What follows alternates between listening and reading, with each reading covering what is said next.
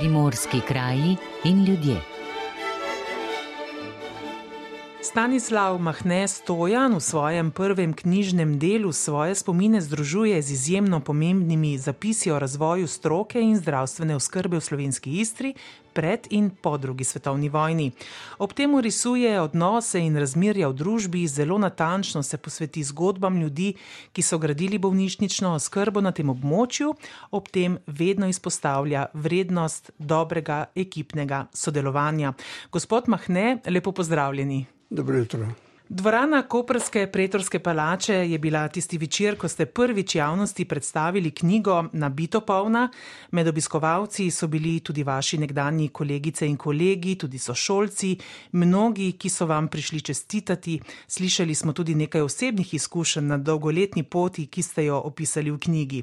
Ste pričakovali tak odziv? Pravzaprav sem si mislil, da bo prišlo kar nekaj ljudi. Namreč spoznal sem med svojim delom veliko sodelavcev, recimo kolegov, nekdanjih eh, prijateljev, da ne rečem, na vse zadnje, veliko pacijentov, s katerimi z večino sem obdržal dobre, vsaj korektne odnose, in eh, nekako sem si mislil, da bo kar nekaj ljudi prišlo na to predstavitev. Ste bili eh, veseli tega odziva? Ne? Ja, bil sem zelo vesel, moram reči. In Se mi zdi, da je knjiga vzbudila neko zanimanje, Sej, seveda najprej gre samo za zanimanje, jaz pa upam, da jo bojo ljudje tudi prebrali, ker bojo našli verjetno kar nekaj zanimivih stvari v njej. Eh, povedali ste, da ste o pripravi na pisanje knjige imeli v glavi predvsem dve stvari, da ne gre v pozabo vs trud kolegov, pa tudi, eh, da vas skozi leta vse te zgodbe, ki jih tudi opišete, vse čas spremljajo, od njih pogosto razmišljate. Je bilo težko vse to spraviti na papir? Nikakor ni bilo lahko. To je bila izkušnja, ki sem se lotil z eno previdnostjo in um, pričakovanjem, da ne bo lahka, seveda. In tudi ni bila. Se mi je pa zdelo, da je prav, da ker to ni opisano še kaj dosti, da, da opišem eh, nastajanje sedanje splošne bolnišnice Izola, kot, tako kot je danes. V enem okviru eh, bolj podrobno kirurgije same, in pa v drugem delu, kar so mi potem pri pisanju pomagali, predvsem moja sestra Danica, pa še kdo, da sem te stvari spravil v red, tako da drugi del pa opisuje neke moje zgodbe življenjske, seveda povezane z mojim delom in pa tudi zgodbe iz same bolnišnice, pa zgodbe nekaterih pacientov, dobre in slabe. Poglobili ste se tudi v zgodovino, posebej pomembno je seveda obdobje po drugi svetovni vojni. Za razvoj stroke so bila pomembna predvsem 50. leta prejšnjega stoletja, beležijo več mejnikov, tudi sami ste nekatere izpostavili, torej kateri so ti mejniki, ki ste jih tudi v knjigi ne nazadnje izpostavili, pa na tem večeru, ko ste knjigo predstavili. Knjiga začne z zgodovinskim pregledom od tako rekoč dvanajstega stoletja naprej, na splošno o zdravstvu v tem območju. Najbolj pomembno je pa in najbolj seveda obdobje po drugi svetovni vojni, ko je to območje pripadlo coni B in iz te cone se je zdravstveno osebje množično, tako kot veliko italijanskih, torej prebivalcev italijanske narodnosti predvsem, pa tudi drugih, izselilo. Tako da je bilo praktično brez zdravstvenih delavcev z velikimi problemi. Tega se je lotila nova oblast na ta način, da je ustanovila Zavod za socialno zavarovanje s, s tem, da so dobili zdravstveno zavarovanje vsi prebivalci, in da je napotila na to območje ljudi, zdravnike in druge, ki so to zdravstvo organizirali. Zelo pomemben mejnik je nastanek Splošne bolnice Koper, ki datira v leto tisoč devetsto triinpetdeset, letos je sedemdeset let od tega. Kar zadeva kirurgijo, je bil pa začetek leta devetinštirideset, ko so začeli v bolnišnici Izola v nekdani stavbi mladinskega okrevališča izpod Italije, v tej stavbi, ko se je začelo kirurško delo. Kako ste se kot mlad zdravnik učili? najbolj sodobnih tehnik. Že v napovedi smo povedali, da ste eden od pionirjev pri uvajanju eh, minimalno invazivnih tehnik, eh, torej na področju abdominalne kirurgije. Eh, kako je takrat potekalo to učenje, recimo, kako se je takrat v tistem času znašel en mlad zdravnik, kot ste bili sami? Ja, to je veliko, veliko stvari. Uh, mislim, da še danes, s tem, da danes so še dodatni pripomočki na voljo. Uh, Torej, začneš kot mlad zdravnik, opazuješ starejše pri delu, učiš se od sodelavcev, tudi medicinskih sester, rentgenskih eh, tehnikov in tako naprej, mavčarjev, vsega, vse, vse smo, smo opazoval pri delu. Seveda, ob tem bereš literaturo, potem v nadaljem razvoju na različnih kliničnih oddelkih, kar spada v specializacijo, da moraš razne eh, druge oddelke tudi nekaj mesecev obiskovati. Pa seveda tem osebnim izobraževanjem, potem na kongresih, predavanjih in tako da tega je zelo veliko in vse to seveda moraš z enim zanimanjem spremljati in upijaš vase vsa ta znanja, ki te potem pripelje do tega, da, da postaneš specialist v neki stroki. Tudi v tujino ne ste morali iti, ne, da se določenih tehnik naučite? Ja, to je bilo kasneje, leta 90 v Londonu in potem pa čez nekaj let, eh, ko je v svetu nekako na rekovajih izbruhnila eh, laparoskopska kirurgija in je pri nas eh, začela v Slovengracu, smo tedaj zaznali priložnost, da se povzdignemo nekako iz enega bolj sivine. In smo kot tretji v Sloveniji tedaj začeli s temi laparoskopskimi operacijami v trebušni votlini. Tako da za naprej, eh, ravno tako so kolegi drugi se seveda že v novi bolnišnici lahko eh, v drugih vejah eh, kirurgije izpopolnjevali na ta način jaz mislim, da smo potem dosegli nek dober nivo. Izolska bolnišnica je bila v začetku v stavbi, prej ste jo tudi omenili, zgrajeni konec 20. let prejšnjega stoletja v Levstikovi ulici. Domačini bi rekli med crkvijo in svetilnikom. Vi ste tja prišli delati iz Valdoltre, še kot mlad specializant in tam ostali. Pravzaprav, kot ste povedali, ste takratnega predstojnika, dr. Trstenjaka, prosili, da ostanete. Zakaj? Kakšno je bilo tisto vzdušje eh, takrat v tisti stavbi? Ta stavba je bila, kot sem že prej omenil, iz eh, časov Italije. V njej je bila mladinska kolonija pred drugo svetovno vojno in je bila kot taka večja stavba blizu morja, nek lep park je bil zraven, pravzaprav ta park je pomagal primarji dr. Zidarič, da so ga eh, zasadili. No, ta stavba je bila od zunaj kar lepa, vendar precej nefunkcionalna, bili sta dve etaži, v zgornji etaži bolniške sobe, eh, operacijski prostori, intenziva, kasneje v podpritličju nekakšnem pa ambulante, pisarne in podobno, kuhinja. Eh, brez nobenega lifta, to je zelo nepraktično, vse se je moralo nositi na roke. Od eh, pacijentov do materijala in tako dalje, do umrlih, ki smo jih še sam sem pomagal, še enkrat po tistih širokih stopnicah jih nosi dol.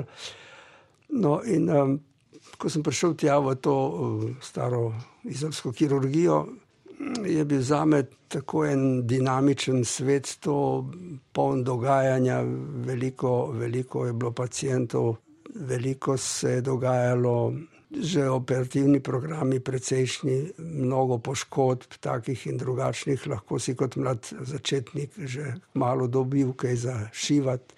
Neko vzdušje, bi rekel, prijetno med zaposlenimi. Med sabo smo komunicirali normalno, zdravnik, medicinska sestra, ni bilo neke oddaljenosti, neke take umetne, ki je bila marsikje. To bi rekel, prijetno zanimivo delovno vzdušje me je tako pritegnilo, da sem potem res prosil tedanjega šefa, dr. Trstenjaka, in me potem vzel v službo.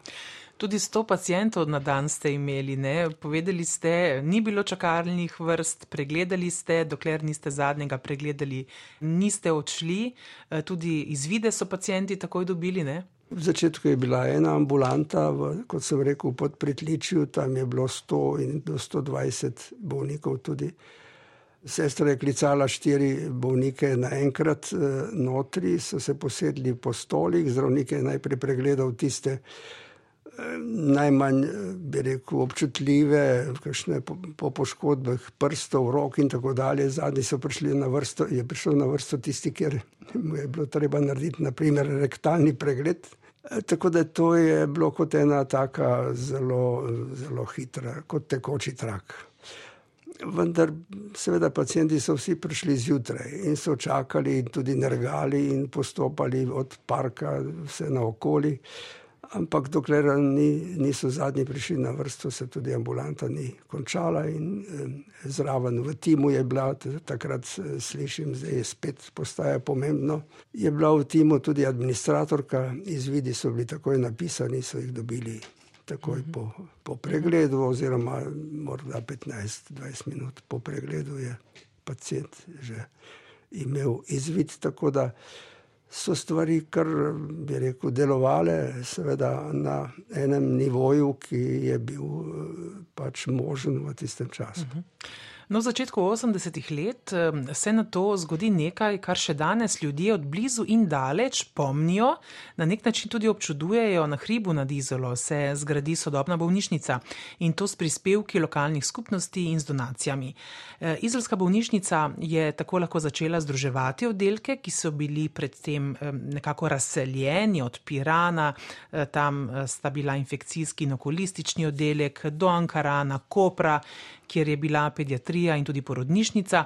Med prvimi ste se v nove prostore selili prav kirurgi eh, in kot ste zapisali v knjigi, ni bilo težko. Veselili ste se tega dne, bilo je konec novembra, pri selitvi ste pomagali vsi zaposleni, eh, celo občani so eh, pomagali s čiščenjem novih prostorov. Spomnite se rož na balkonih, ne? vzdušje za mnoge danes tako le nepredstavljivo. Ja, ta splošna bolnica Izola je imela štiri oddelke, pomembne in sicer eden v Piranu, pa v Izoli, Kopru in Ankaranu. Skupaj s službami je to sestavljalo eno celoto, ki je zelo težko delovala na razdalji 30 km. Povezovala jih je proga, vsak dan je vozil kombi, ki je vozil material kri, odvzeto kri za laboratorij, potem zdravila, razno razna, centralna lekarna je bila v Izoli. Vozil je pacijente na pregled konziliarni v drugo bolnišnico in tudi zdravnike, ki so šli pogledati kakšne težke pacijente drugam, ker takrat avtomobilov še dosti ni, ni bilo osebnih. Tako da je to delovanje bilo kar zapleteno in težavno. Tudi zato, seveda, smo z velikim navdušenjem pričakali selitev v novo bolnišnico na hribu nad Izolo leta 1982. Bili smo prvi, kirurgija je bila prva in eh, tedanje vzdušje je nepozabno, kako s kakšnim veseljem smo se selili v pričakovanju v to lepo stavbo. Treba je tudi reči, da morda zadnjih, celih zadnjih deset let se ni več vlagalo v staro bolnišnico v Izoli in je bilo vse nekako tik pred zdaj, si smo rekli, da bolnico drži skupaj samo še Hansa Plast. No, to veliko navdušenje je delilo tudi prebivalstvo, ki se je veselilo bolnice, zares so pred otvoritvijo hodili mnogi pomagati čistiti gor prostore. Pri selitvi smo tudi sodelovali vsi eh, zaposleni v stari bolnici v Izoli. Tako da je bilo to zelo, zelo, eh, zelo velik preskok, veliko, veliko veselje in pričakovanje. Je pa res, da je trajalo potem selitev zadnjih oddelkov še 15 let je minilo, preden so se preselili še zadnji oddelki iz Kopra. Kaj pa je to pomenilo za stroko? Najbrž uh, zagon za razvoj, novi prostori, novi aparati? Vsekakor to je bilo, uh, kot da smo prišli v čisto neko, neko drugo situacijo. Zelo lepi prostori, tudi tedaj okrašeni s slikami, eh, rože na balkonih in tako dalje, eh, narejeno z nekim estetskim okusom. Tudi. Danes je sicer to drugače, ampak morda bo bolj funkcionalno.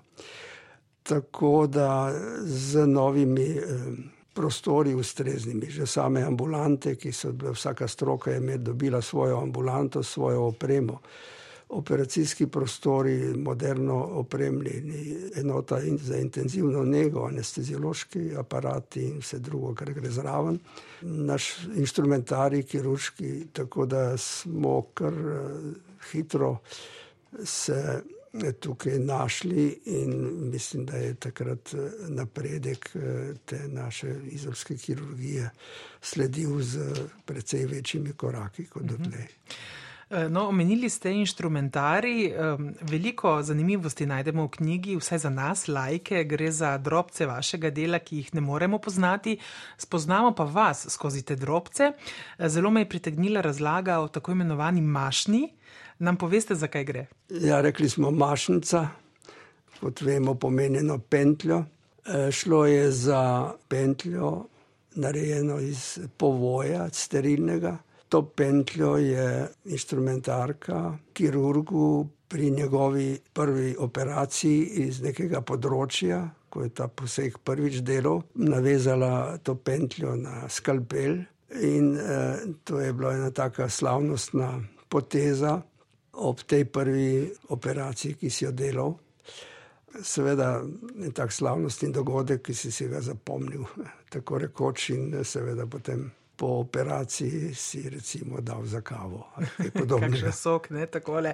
No, prej eh, smo sva govorila o stroki in o aparatih novih, brez dobrega kadra, pa tudi aparati, ne, lahko rečemo, ne služijo. Številne kolege ste tudi sami uvedli v delo, nikakor ne moremo reči, da je bila izola strokovno gledano periferna bolnišnica. Ja, pravzaprav je bila periferna bolnišnica, zdaj ne vem, v, v takem pomenu morda je bilo pred selitvijo, predvsem tudi nekoliko slabšalno v tistih pogojih, kot so bili in eh, kadrovskih razmerah. So bile nekatere stvari tudi morda ne prav optimalno rešene, in tako v tistih časih je bila klinika vse, in eh, ostali periferci smo bili nek, nekakšnem podrejenem položaju, manj vrednem, reklo se je aha, spet so nam nekaj poslali iz bolnice Izola in tako dalje. Tako da to ni veljalo samo za Izolo. Kasneje z razvojem kirurgije, z več komunikacijami, z več možnostmi za, za vse druge, so se te razlike med kliniko in drugimi bolnišnicami, tudi našo, zmanjšale ali izginile. Sedaj, seveda, na kliniki se delajo, v kliničnem centru se delajo neke posegi, ki se drugače v drugih bolnicah ne ampak ne doživljamo več tega, kot je bilo tedaj pogosto. Veste, kaj vas lepo prosim, pošljite me v Ljubljano. Uhum. Za neko navadno operacijo, zdaj se to ne dogaja več, celo mislim, da iz drugih področji um, prihajajo tudi v izolo se operirati. Knjiga je polna utrinkov in vtisov iz različnih obdobij, različnih delovnih okolij. Zelo zgovorne so fotografije, ki smo jih danes že omenila. E, te niso vselej. E, tako rečeno, gasilske, uradne, resne, pravzaprav odkrivate, da dober zdravstveni delavec ne moreš biti samo v času, ko si oblečen v takšno ali drugačno uniformo, Predstojnik kirurgije splošne bolnišnice Izola Mladen Gasparini, ki je napisal tudi uvodne misli v knjigi, je ob tem, ko vas je tisti večer predstavil, pogosto izpostavil vaš pogum in empatijo. Sami ste povdarili, da bi morali ti dve lasnosti biti med kriteriji, ko se mladi odločajo za ta poklic, da nekako ni dovolj samo odličen učni uspeh. To verjetno loči ne, tudi med takim in drugačnim zdravnikom. No, jaz moram reči, da nikoli nisem bil odličen, morda v, v nižjih razredih. Imel sem odličnega profesora za slovenščino, kar mi je dalo neke temelje, da lahko kaj napišem. Drugače pa dobro gimnazijo, tedaj Kopersko. In ni bil noben problem, da nisem imel odličnega uspeha. Danes je žal tako, da če ni dijak ali učenec odličen, potem ni, sploh ni dober. To mislim, da ni v redu. Za me, za zdravnika, se mi zdi, da je pomembno. Recimo, dobro je, da imaš neko bazo v naravoslovnih predmetih. Pomembna je radovednost, pomembna je želja za učenjem, pomembna je vztrajnost in pa pomembna je empatija do ljudi. Če vseh teh stvari ni, potem posebno empatija je tu pomembna. Škoda, da nekdo izgubi toliko let, ki mu, ki mu recimo odnos do človeka ne pomeni veliko. Še to bi rekel, da jaz sem imel študij pet let, specializacijo štiri leta. Danes je študij šest let, specializacija je šest let. Če bomo šli tako naprej, bomo imeli ne vem, ljudi, ki bojo končali študij pri tridesetih, pa potem specializacijo pri štiridesetih, ko bojo že kmalu njihovi otroci končali srednjo šolo. Tako da tu mislim, da nekoliko pretiravamo. Nove knjige najbrž ne boste rekli. Kaj pa delo v pro bono ambulanti? To pa se nadaljuje. Ja, nikoli ne reci, saj vemo. Ampak nove knjige ne načrtujem, najbrž se bom še kaj oglašal, kdaj ob kakšnih prilikah. V pro bono ambulanti bi bi pa rad delal še nekaj let, če bo zdravje v redu. Sicer pa te ambulante kljub napovedim se mi zdi, da bojo še naprej potrebne, pa naj se še tako trudimo.